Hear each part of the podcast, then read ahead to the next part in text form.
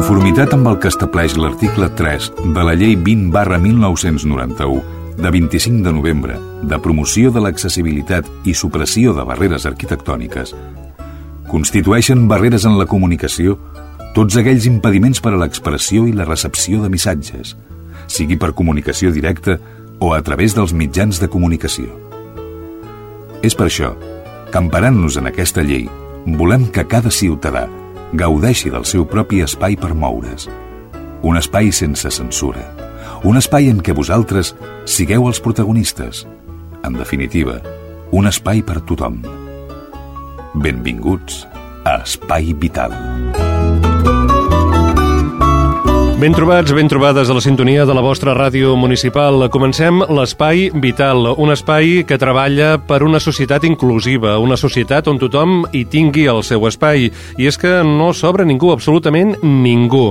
És que tothom té el seu lloc, sigui com sigui, així l'acceptem. Així hem de treballar des d'Espai Vital i així us proposem a vosaltres, amics i amigues, que feu el mateix. Nosaltres, la gent d'Espai Vital, en els propers minuts, en aquesta propera hora, doncs desenvoluparem diversos diversos temes vinculats amb persones que viuen amb discapacitats o amb accions formatives que permeten que coneguem millor la realitat d'aquestes persones. Com sempre, abans de presentar-vos continguts del programa, us dic que avui el farem possible la Teresa Diviu, la cuinera adaptada de l'Espai Vital. Bon dia, Teresa. Bon dia a tothom. Teresa, avui cigrons, eh? Cigrons, sí, sí, i amb bacallà.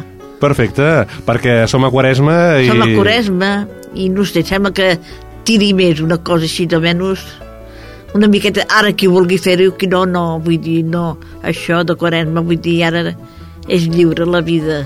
Aquí no obliguem a ningú, aquí No, no. proposem i...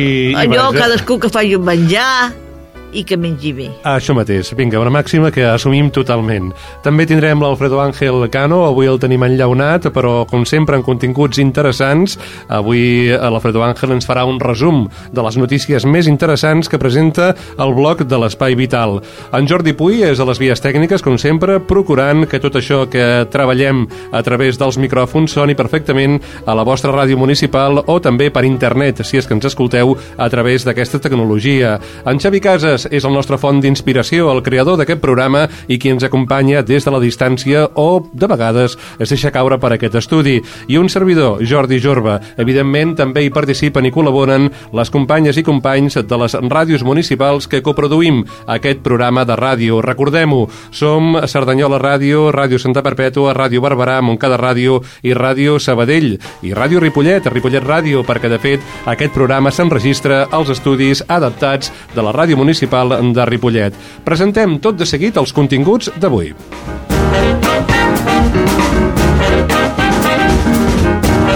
D'aquí un no res parlarem amb Montserrat Fernández. Ella és responsable del Servei a la Discapacitat i organitzadora d'algunes de les activitats formatives que organitza la Fundació Autònoma Solidària i és que presenten un cicle d'activitats prou interessants per acostar la realitat de les persones amb discapacitats mentals a la comunitat universitària. A més a més, si sou universitaris universitàries i seguiu alguna d'aquestes propostes, obtindreu crèdits sempre necessaris per aconseguir la vostra titulació.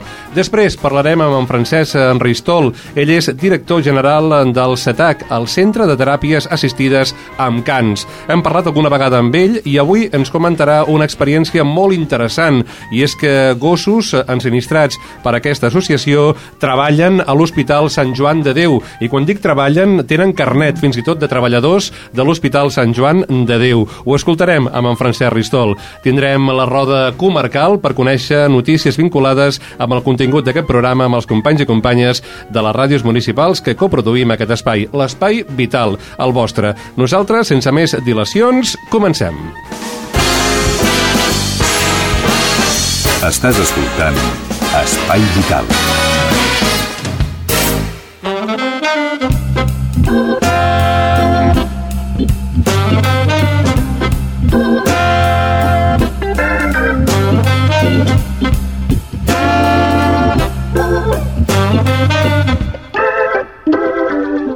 Thank you. L'Espai Vital d'avui vol acostar-se a la Universitat Autònoma de Barcelona.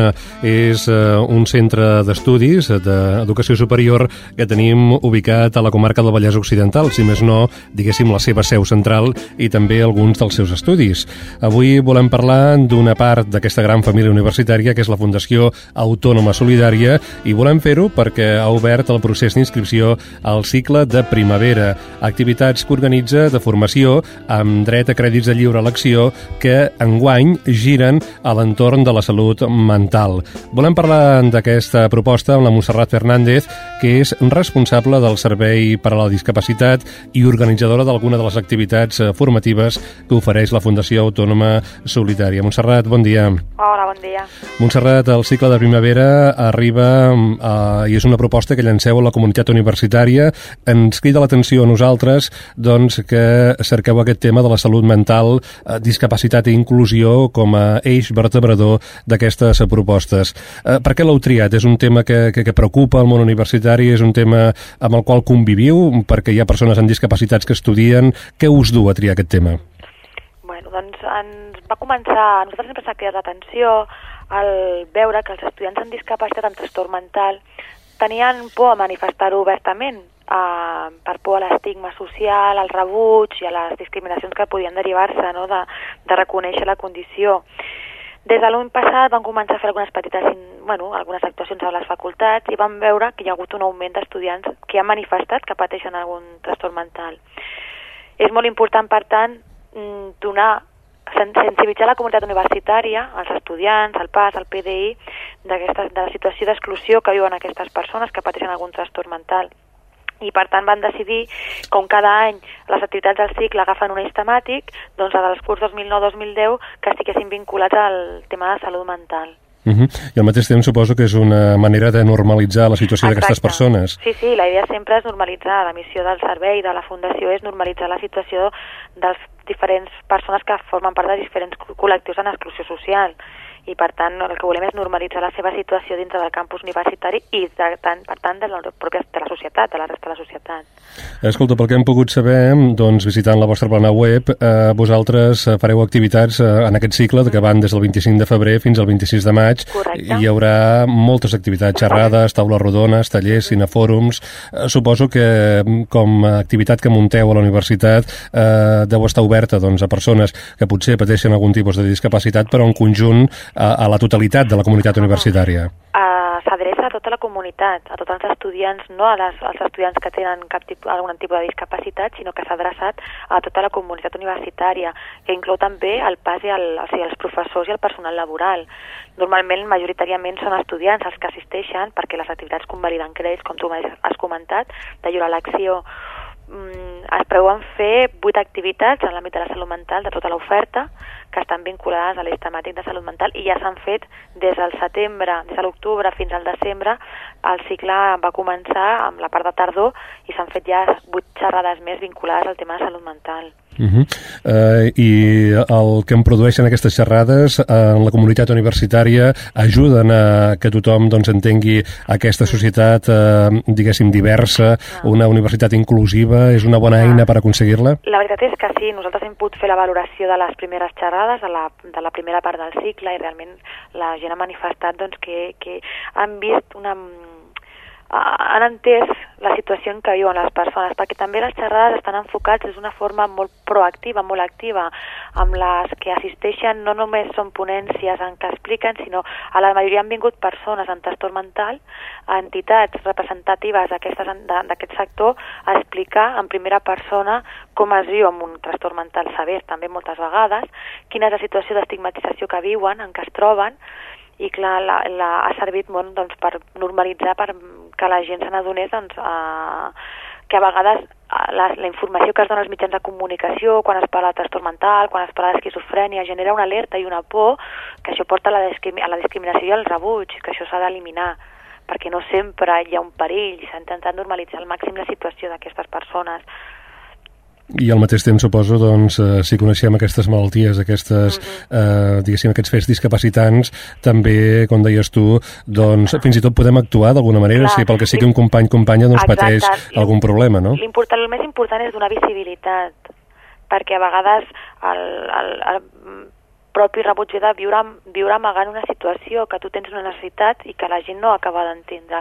Donar aquesta visibilitat i tractar-ho de la forma, eh, normalitzar-ho al màxim entre els companys, entre, entre, entre la comunitat universitària i que tinguin prou informació per saber què són aquestes, què són aquestes malalties mentals, quines, quines efectes tenen, però que poden donar vida completament normalitzada amb els recursos socials i, i, i bueno, que ells necessiten, però que poden desenvolupar una activitat normalitzada, acadèmica, d'oci i de temps lliure i cultural. Uh -huh.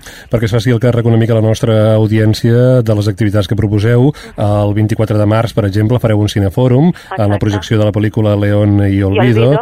Uh, el tema és la família i la, la, família i la discapacitat. I la discapacitat. El 22 d'abril, uh, estigmació social i efectiva de persones en un procés de privació de llibertat, uh -huh. amb la pel·lícula Hace mucho que te quiero. Uh -huh. uh, també, com, diguéssim, es fan altres propostes, com una proposta de teatre social, la problemàtica social de la salut mental. Uh, són diverses i variades i a més a més suposo que la gent que hi participa a banda d'aprendre doncs també cerqueu que, que, que s'ho passin bé suposo. Ah, sí, sí, la idea és que siguin com veieu el, el, com podeu veure doncs hi ha hi ha xerrades que són més aviat xerrades com a ponència, no en venen experts de les diferents, dels diferents àmbits que tractem, hi ha algunes que són molt dinàmiques, com són tallers, que el que fan és d'una forma molt més interactiva, molt més pràctica, doncs treballem tot el tema d'empatia, posicionament en els jocs diferents amb les persones amb diferents discapacitats, també en trastorn mental, hi ha cinefòrums, hi ha taules rodones on diferents es treballa des de diferents punts de vista un mateix tema i amb el qual són molt interactives, el que volem és molta interacció amb, amb els assistents, no? que tothom pugui dir la seva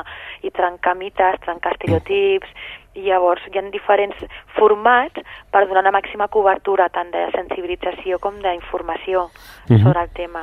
I escolta, què en diuen les associacions de persones discapacitades de l'Autònoma d'aquesta proposta que llanceu des de la FAS? Ho feu conjuntament? Eh, estan d'acord en aquestes propostes? Per sí, exemple, sí, sí. penso en ADUAP? Amb l'ADUAP, o... sí, sí, sí, sí, tenen la informació, igual que sempre col·laborem, ells treballen tot el tema de, la, del tema de, dels cursos de braille, de llengua de signes, però tenen informació sobre les activitats. És més, alguns membres de la UAP estan venint, alguns dels cursos que estem fent estan venint, vam, ara vindran els cursos de segon cicle, com el curs de discapacitat d'integració, que comença el 9 de març, i que ha estat subvencionat també per l'Ajuntament de Cerdanyola, i, i realment ells assisteixen, hi ha una relació molt fluida. Uh mhm. -huh. Cadascú té el seu programa d'activitats, però hi ha col·laboració entre les dues entitats. Molt bé, ens ha agradat això que ens diguessis, que l'Ajuntament de Cerdanyola s'implica sí, en aquest tema, sí.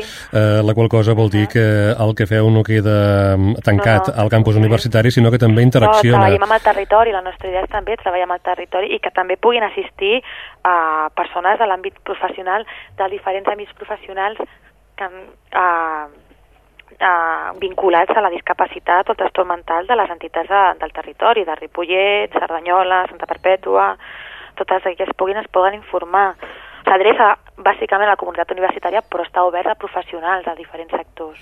Donem una mica més d'informació sobre aquest curs, mm. curs sobre discapacitat i integració, és per a conèixer els recursos i les sí. estratègies que mm-hmm. permeten normalitzar la situació de les persones amb discapacitat en els àmbits educatiu, laboral i social. Es farà del 9 de març al 20 d'abril, uh mm-hmm. -huh. en horari de dimarts i dijous, de dos quarts de quatre a dos quarts de sis de la tarda, uh -huh. i algunes sessions a dos quarts de quatre a dos quarts de vuit. Sí, i algunes sessions perquè són mòduls com molt teòrics i molt pràctics, llavors hem treballat diferents tipus de discapacitat, però ho fem en quatre hores. La primera part més teòrica, on venen diferents representants de diferents entitats, doncs gent des de, venen gent des de la ONCE, uh, des d'entitats de la discapacitat auditiva, realment és que mm, portem representants dels diferents col·lectius, moltes persones amb discapacitat, inclús elles venen a donar la seva des de Federació Com, al Foro de Vida Independent, 11, a ICE d'implantats coclears, professors de la universitat, i es munten, és tota una visió molt uh, participativa també, igual que, el, que tot el tema, perquè la gent pugui entendre quina és la situació de les persones que pateixen algun tipus de discapacitat.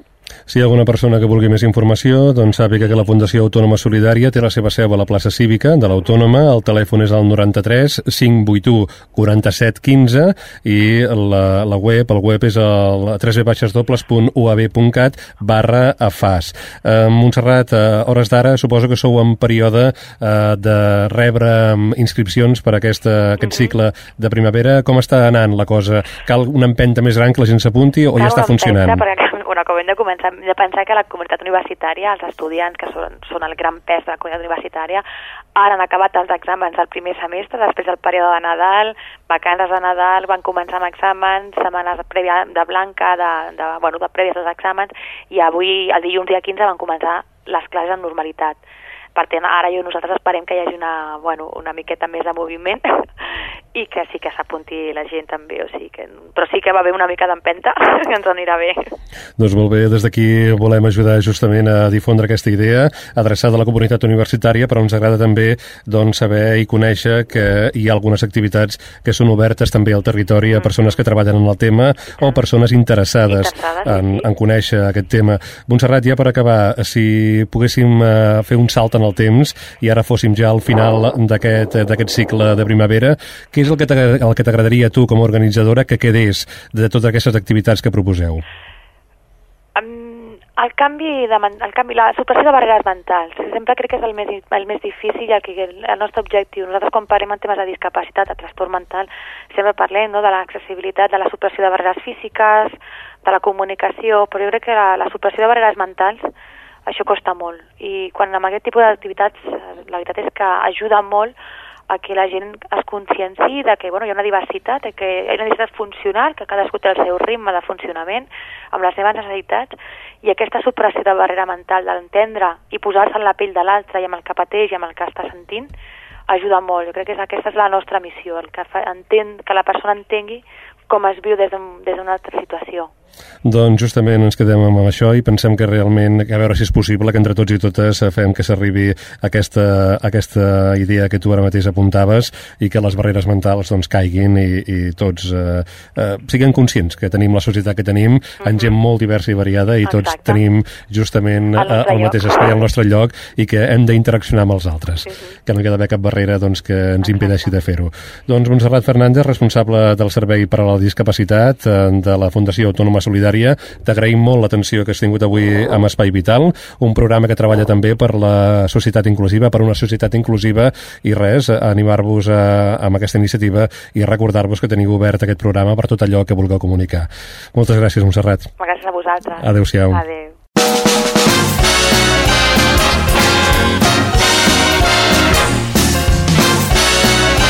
Espai Vital, el primer programa adaptat de les zones.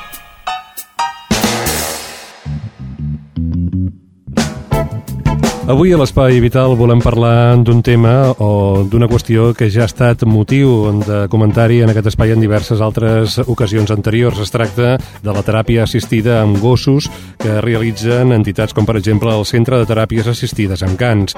I és que justament aquests dies hem conegut una notícia segons la qual l'Hospital Sant Joan de Déu de Barcelona ha seleccionat a Catac per a fer un projecte de teràpia assistida amb gossos en el mateix hospital. Volem parlar d'aquest tema amb en Francesc Ristol, que és el director gerent de Catac. Bon dia, Francesc. Hola, bon dia. La notícia, de fet, vosaltres, als vostres webs, eh, Facebooks i mitjans eh, virtuals, la destacàveu força i també la premsa, diguem-ne, normal, entre cometes, doncs se'n feia ressò d'aquesta notícia.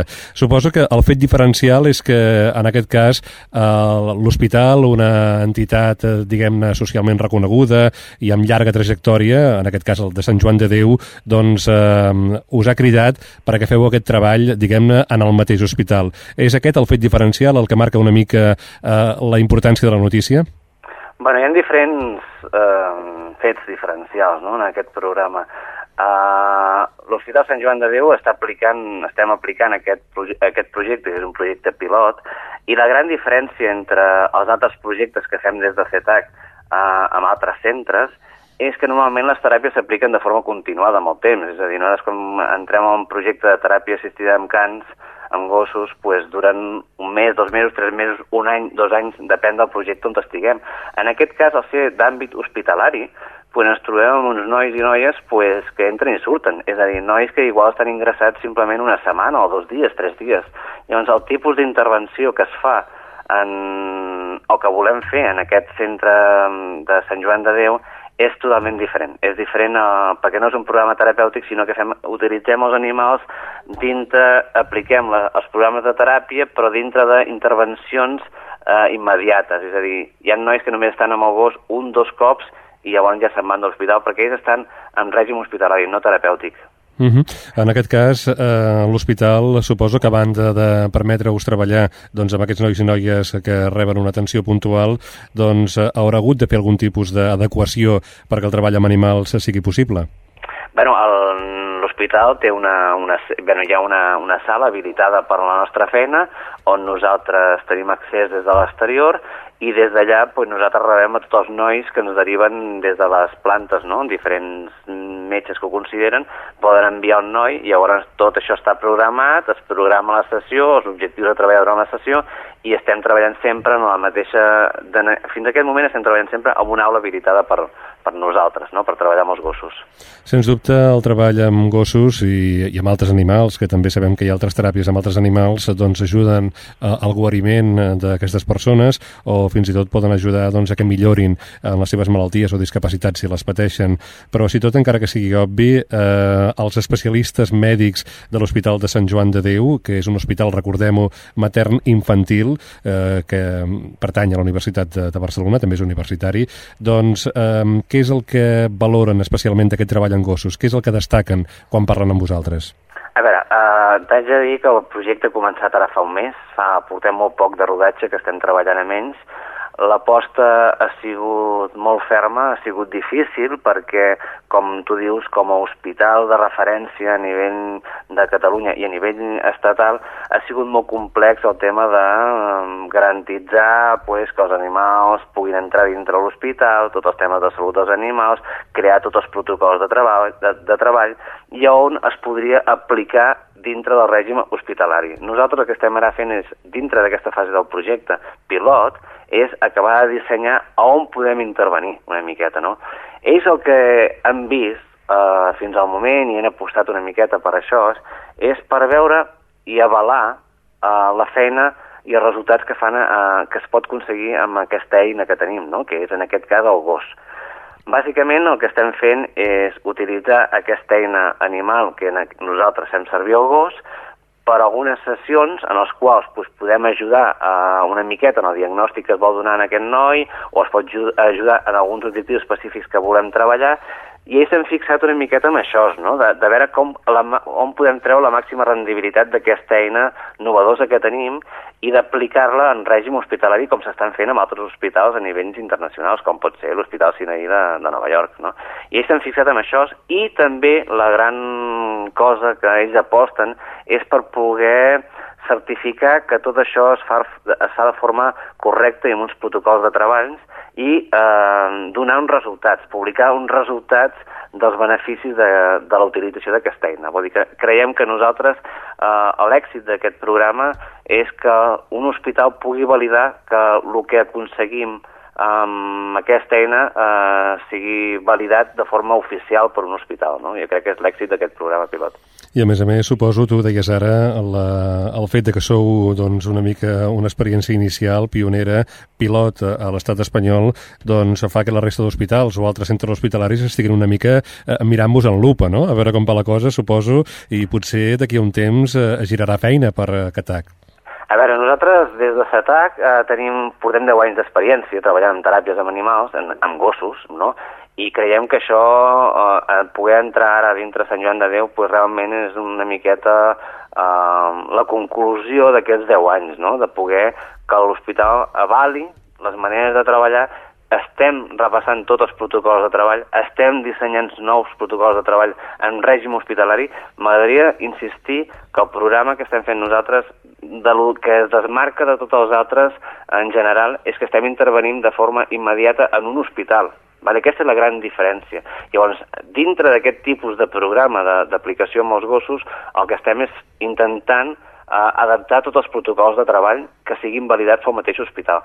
Jo crec que això eh, en el futur et traspassarà a altres hospitals, té que traspassar, i una miqueta l'objectiu que tenim tots plegats és que, que si es pot ajudar eh, en els nois i noies amb aquesta eina podem ajudar en, dintre del règim hospitalari, pues perfecte. Ojalà tots els hospitals puguin tindre eh, aquest tipus de, de servei, no?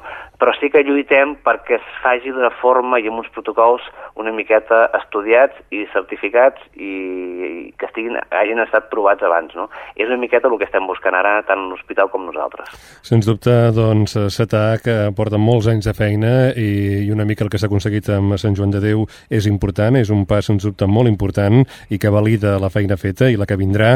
I també destacar eh, l'amplitud de mires de l'Hospital de Sant Joan de Déu perquè eh, facin vostès un, eh, el càrrec, per exemple, que Sant Joan de Déu compta amb dues col·laboradores que són ni més ni menys que la Cuca i la Xiula, que són dues gosses que han estat escollides per participar en aquest programa. I aquestes dues gosses tenen el carnet del propi centre hospitalari. Vull dir que, en certa manera, Francesc, i em permets la frivolitat, doncs ara són personal de l'Hospital de Sant Joan de Déu. És personal col·laborador. Eh? I nosaltres el carnet posa personal col·laborador de l'hospital. La Cuca i la Xiula sí, són les dues primeres que van començar. Ja avui en dia estem treballant amb altres gossos i realment l'equip que està destinat a treballar a Sant Joan de Déu és un equip de sis gossos diferents, eh, que qual els anem introduint de forma gradual i depenent sempre de les necessitats que tinguem de treball, no? Depèn del que tinguem que treballar de quins objectius, doncs podem utilitzar un gos d'un tamany, d'un altre, però sí que el projecte eh, té sis gossos destinats en aquest projecte, els quals sí que la veritat és que de moment només hi ha la xiula i la cul que tinguin els carnets, que van ser els primers que van fer els carnets, i els altres estan, han de passar pel, pel departament de, de personal encara, sí, com a col·laboradors. És més que res anecdòtic, però sí que tenen el seu carnet a Sant Joan de Déu de, com a col·laboradors. Sí. Escolta, tu deies que esteu, porteu just un mes doncs, amb, aquest, eh, amb aquest projecte, amb aquesta activitat conjunta amb l'Hospital de Sant Joan de Déu. Suposo que hi haurà hagut oportunitat de conviure doncs, a banda de el personal del propi hospital, fins i tot amb la gent que n'ha de menester els serveis de l'hospital. Eh, causa sorpresa que, que per aquestes persones eh, veure gossos a l'hospital en un àmbit hospitalari habitualment tots pensem allò a asèpsia, a un ambient blanc, tot allò com molt controlat. Quan la gent veu gossos, que, què pensa? Quines reaccions es produeixen, Francesc? A veure, la veritat és que jo t'haig de dir que nosaltres entrem per un espai de, de l'hospital que anem directament a la nostra aula, vol dir que no tampoc ens passegem molt per l'entorn hospitalari, estem, tenim moltes precaucions, i ens arriben els nois i noies directament a l'aula, vull dir que tampoc en aquests moments de la fase pilot ens estem passejant per l'hospital ni molt menys, vull dir, si nosaltres tenim una aula destinada per això, tenim un, un lloc on fem les sessions i ens arriben tots els nens, llavors els nens i noies, no? Llavors, no estem en contacte molt directe amb l'entorn familiar, val? estem treballant més directament amb els nois. El que sí que es puc dir és que tots els nois i noies que han participat fins al moment estan encantats, estan encantats i crec que, que, bueno, que encara que sí que hi hagin bates blanques, segueixen sent-hi, segueixen sent-hi les bates blanques, evidentment, perquè estem a l'hospital, però també hi ha uns col·laboradors que no porten bata, m'entens? Que són els nostres gossos i nosaltres, no? Llavors, poder sí que hem trencat una miqueta esquema de les bates blanques i eh, poder, això els ajuda una miqueta més a, a, a entrar, no? Però, sincerament, el que es puc dir, transmetre des d'aquí, és que tots els nois i noies que han participat estan encantats, encantats d'haver participat en aquestes sessions i que els objectius que s'han marcat en principi s'han assolit. I les, les gosses i els gossos que hi participen, eh, vosaltres, eh, tu de fet, a SATAC doncs, està vinculat amb Cerdanyola, per exemple, on tenim un centre d'ensinistrament, de, de preparació sí. d'animals. Mm -hmm. eh, suposo que aquests gossos requereixen una preparació especial per poder treballar doncs, en aquest ambient eh, hospitalari, tot i que destacaves que teniu un espai especial per a vosaltres, però així tot, eh, diguem-ne, eh, cal preparar-los d'una manera especial. Eh, són gossos molt triats perquè puguin reaccionar tal i com voleu vosaltres? A veure, com a gossos de teràpia són gossos que estan específicament en, ensinistrats i educats per fer aquesta tasca. Són els gossos, evidentment, especials, com a ells, com a gossos de teràpia.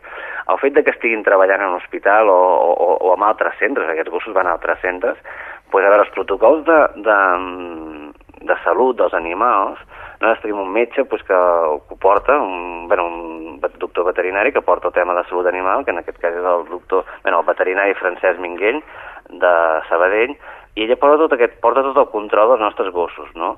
Sí que hem extremat tots els protocols de salut dels animals, però bueno, no han variat més que els que fèiem abans, vale? simplement que, que extremem més una mica els controls perquè estem en un règim hospitalari, però que no han variat més, de, de, no fem més analítiques ni fem altres controls que no fèiem abans. Però sí que podem dir que són gossos que estan a nivell de salut pues, controlats, controlats i sota, si tenim qualsevol dubte, pues es retira. Per això també un dels motius de tindre sis animals, m'entens? Mm. Perquè si nosaltres detectem com a professionals pues, que hi ha un gos que ens està marcant pues, que no es pot trobar bé i, i no tenim el veterinari davant en aquell moment, pues, sota la dubte pues, canviem i fem servir un altre, un altre animal. No? Això és l'avantatge de poder tenir aquest equip d'animals.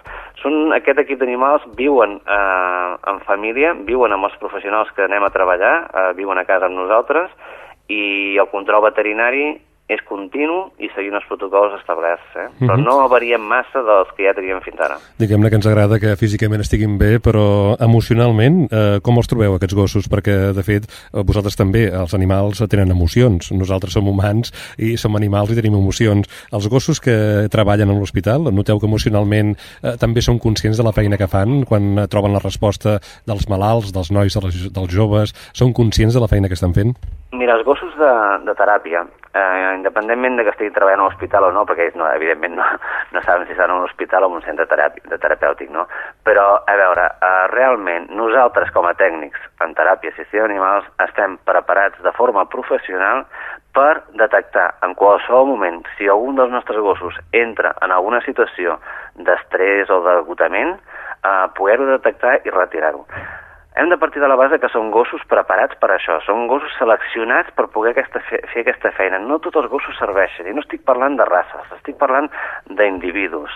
Són individus que se seleccionen, que tenen un caràcter especial i que en general els encanta fer el que estem fent. Això no vol dir, si sóc sincer, que tinguin, una, que tinguin que s'agotin. Evidentment, com ens agotem els professionals. Jo vaig a treballar i després de dues hores de treballar intensament i de forma eh, diguéssim, molt concentrat amb, amb els objectius que hem d'aconseguir, evidentment hi ha, hi, ha, hi ha un agotament. Ells també el tenen. Però això no vol dir que no puguin treballar amb això. És a dir, nosaltres el que intentem és que de forma, d'una forma totalment professional els donem tot, tinguin totes les eines perquè abans de començar a treballar doncs passen per tot un procés de jocs, quan acabem de treballar doncs són gossos doncs, que igual ens anem a córrer per la platja o tenen una sèrie d'exercicis establerts per poder eh, canalitzar tot aquest agotament, vol dir que són coses que no només durant la intervenció, que sinó hi ha un abans i un després de la intervenció que nosaltres, com a professionals que estem formats per això, hem de cuidar eh, del benestar dels animals, no? I us puc assegurar que ells no sé si disfruten o no, s'ho passen molt bé, s'ho passen molt bé i que tot eh, el desgast que puguin tenir o aquest inici d'estrès que poden entrar en alguna situació és canalitzat per nosaltres que som professionals i controlat pel nostre eh, veterinari per portar tot el control de benestar animal. No? Molt bé, un veterinari que tu deies és de Sabadell. Suposo que aquests gossos en part, o no sé si totalment, estan ensinistrats a Cerdanyola. A veure, els gossos nosaltres a Cerdanyola tenim el, el centre, el centre Can Jodes, és on tenim, diguéssim, el centre de cria i, i, i tenim part de l'ensinistrament o fem allà.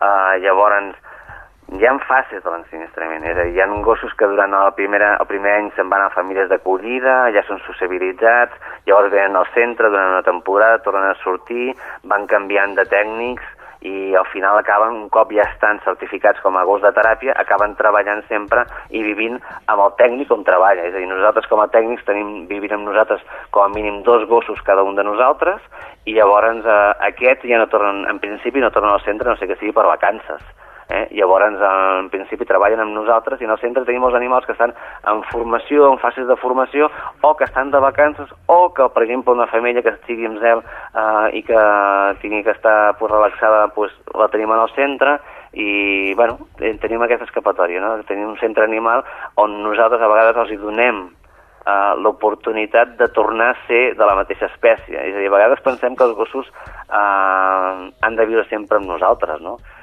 El plantejament és una mica diferent. Amb nosaltres viuen, s'ho passen molt bé, però a un gos també li agrada tornar a estar amb la seva manada, amb els seus 8 o 9 gossos corrent, saltant, jugant, vivint amb ells, per reconèixer una miqueta la seva pròpia espècie. Nosaltres creiem que això els va molt bé. I nosaltres això els diem vacances, no? I nosaltres aquests gossos de tant en tant se'n van a passar les vacances en el centre on en forma de manada i amb una, i amb una situació controlada pels tècnics pues, tornen a ser una miqueta gossos i s'oblida una miqueta de, d'aquesta part que us humanitzem a vegades una miqueta massa, no? Doncs perfecte, ens agrada que des del Vallès també participem en aquesta iniciativa d'alguna manera, tot i que la feina feta es du a terme a l'Hospital de Sant Joan de Déu, experimentalment, és una prova pilot i esperem que d'aquí a poc també arribi a altres centres hospitalaris del país, d'entre els quals els que tenim al Vallès Occidental.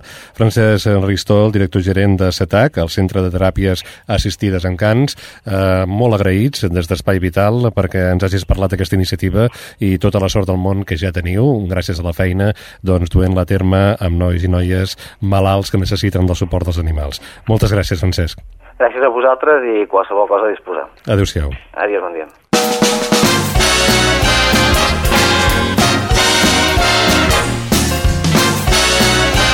Espai Vital, el primer programa adaptat de les zones.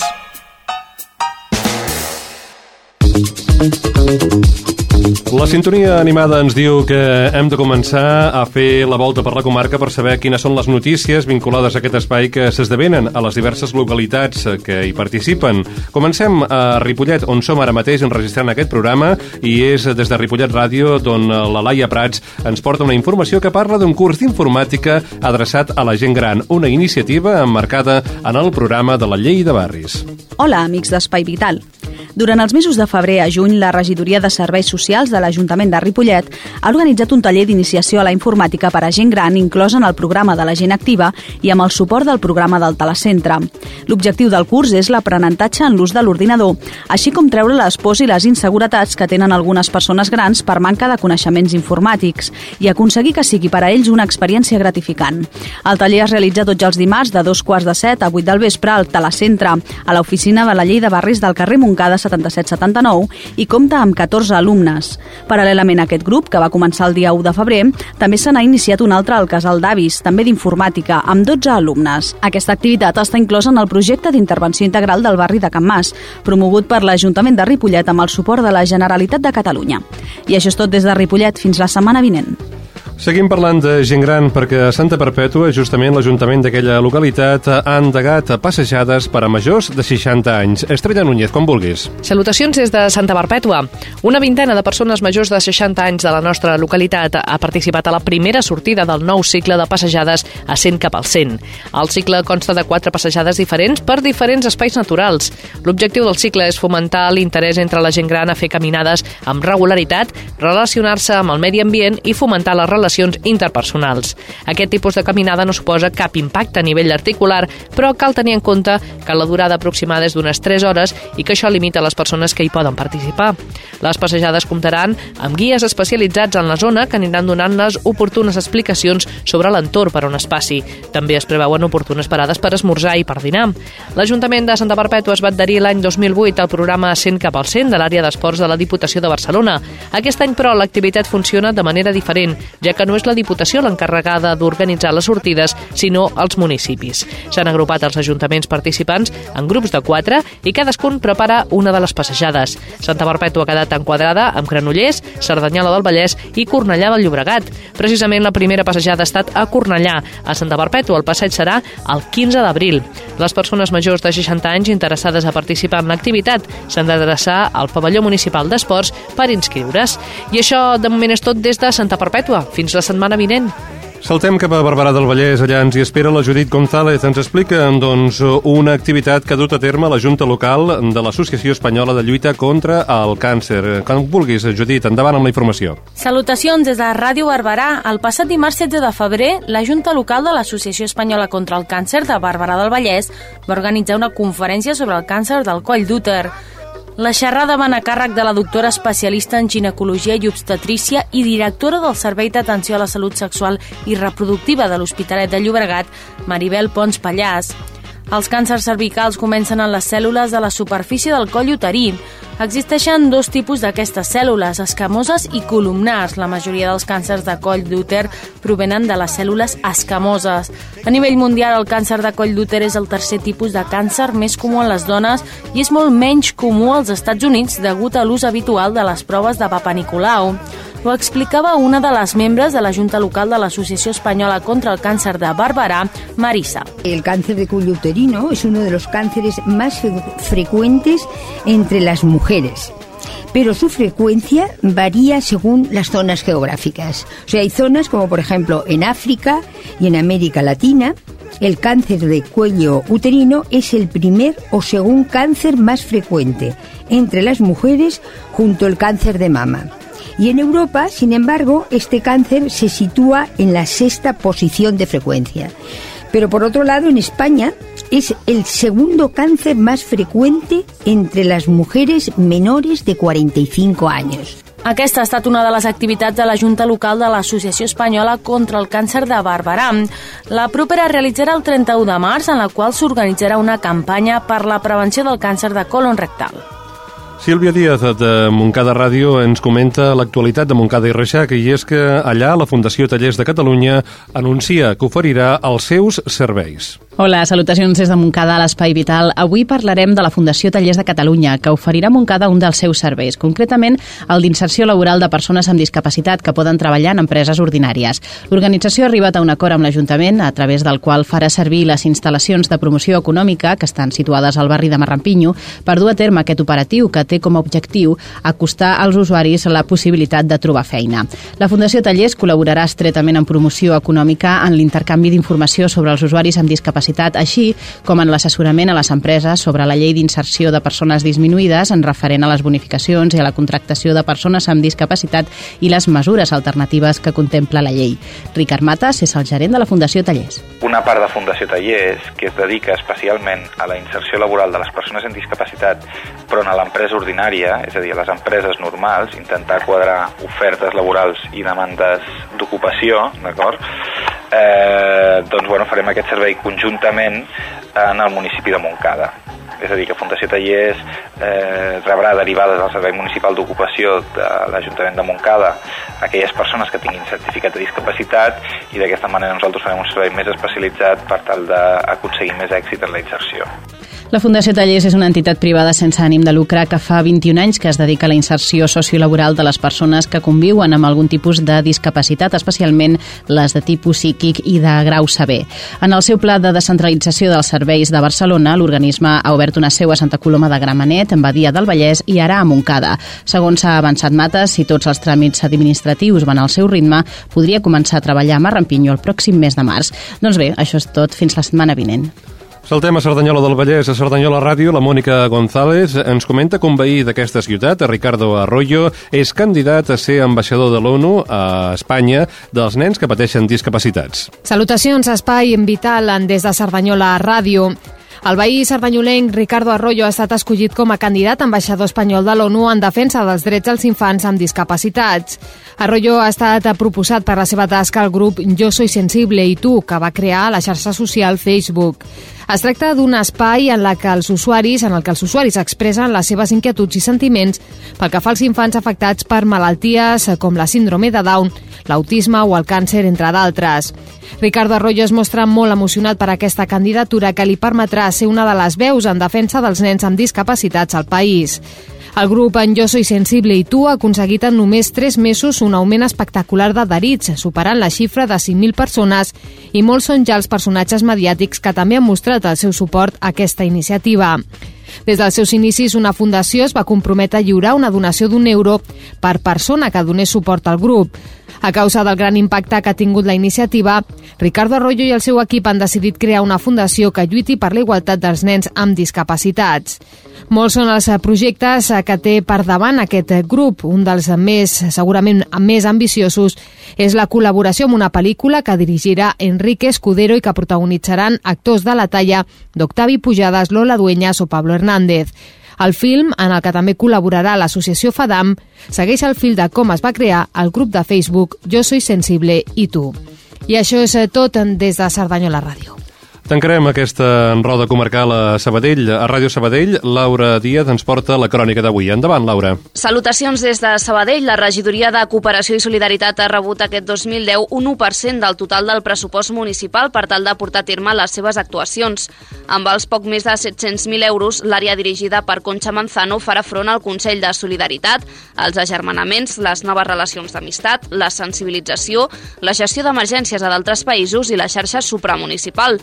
Manzano assegura que, tot i la situació de crisi actual, està satisfeta perquè el pressupost de la seva regidoria s'ha mantingut respecte de l'any passat. Pensant que, que estem en un any una mica difícil de, de crisi, doncs eh, l'Ajuntament en aquest sentit doncs, ha estat molt, molt sensible i receptiu i per tant mm, bueno, hem mantingut almenys una mica per sobre de, de l'any passat. D'aquesta manera, Cooperació i Solidaritat podrà mantenir les activitats que fins ara realitzava, posant especial èmfasi en el Consell, un òrgan que disposa del 70% del pressupost de la regidoria a causa de la seva importància. Per mi diria que el Consell de Solidaritat i Cooperació doncs, és un dels més importants en el sentit de que aquesta feina, som conscients que aquesta feina no la podem fer eh, només eh, a través de la regidoria, eh? que no estem sols, que hem de treballar amb les entitats que, que estan en el sector aquest de, que treballen aquests temes de, de cooperació i solidaritat. Per tant,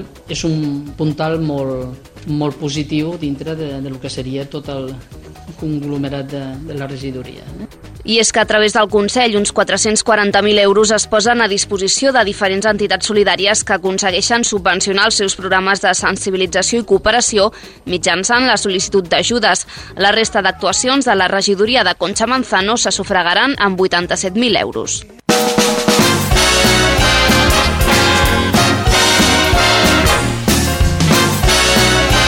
Espai Vital, el primer programa adaptat de les zones.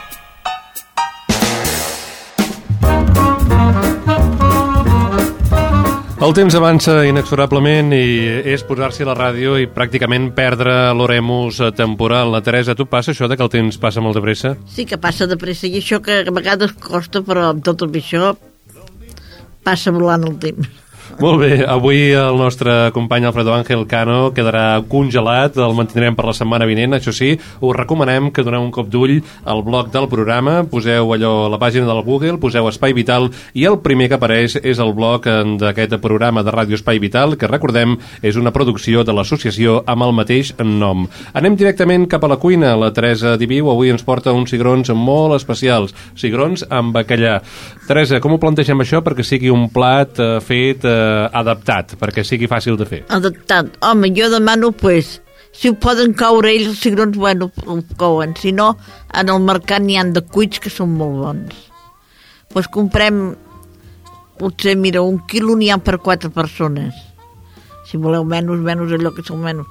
Compreu, pues, mira, un tall de bacallà per cada un, si són quatre, quatre talls. Una ceba, un tomàquet, un dent d'all, o si no, per compte d'un dent d'all, podeu comprar els congelats pues, la ceba ratllada i comprar un taco d'aquells que hi ha all i julivert picat també. I així ja ho teniu tot el condiment. Pues poseu els cigrons en un pot, bueno, ja allà al mercat ja us ho posaran a una... i que us hi posin suc també, suc dels cigrons és molt bo també. Bueno, arribem a casa, pues, agafem el bacallà, que, si compreu el bacallà, pues, a trossos, el que feu, pues, el poseu com si veu a casa per farina. Passeu per farina i el fregiu. El poseu en un plat que es guardi. I allà, aquell sofre, allà on t'ho fregit aquell suc, i fregiu la ceba, i poseu una miqueta d'aquell all i julivert també, que es fregeixi. I poseu també tomàquet ratllat, un tomàquet ratllat, que es fregeixi. Com veieu que el sofregit ja està fet, i tireu suc dels cigrons. Sabíeu que n'hi ha poc i poseu una mica d'aigua i poseu sal, una miqueta, perquè el, hi haurà deixat anar, potser el bacallà si és salat també d'això. Però els cigrons els poseu amb una olla. Allà aquella olla hi poseu també el bacallà a sobre i tireu tot aquell sofregit que faci el xup-xup amb aquell suquet, el poseu a, a dintre els cigrons i el bacallà. Ho poseu al foc una mica aquella cassoleta, que faci res, dos, dos minuts del xup-xup, jo crec que us haurà quedat molt bé. Si us sobra cigrons, hasta el vespre podeu fer uns espinacs i afegir-li els cigrons. que els espinacs en cigrons també són molt bons. Molt bé, doncs un plat fàcil de fer i a més Sí, a és més eh, molt saborós i s'han de menjar llegums eh, Sí de tant en tant, eh? sí. I és bo, i a més a més amb peix. I si posem un vinet rosat, allò fresquet, Ah, perfecte. jo això ja no sé. El gust del consumidor. Gràcies, Teresa. Pràcticament no tenim temps per a res més. Recordar-vos que l'equip d'aquest programa som l'Alfredo Ángel Cano, la Teresa Diviu, en Jordi Puy, el Xavi Casas i el Jordi Jorba, a més a més de les companyes i companys que des de les ràdios municipals ens porten les seves cròniques setmanals. Marxarem, ho farem amb música del grup La increïble història de Carles Carolina. El tema que triem és a peu pla i res, desitjar-vos que sigueu, si us plau, molt feliços en tot el temps que passarà abans no ens retrobem en aquesta mateixa sintonia. Apa, siau!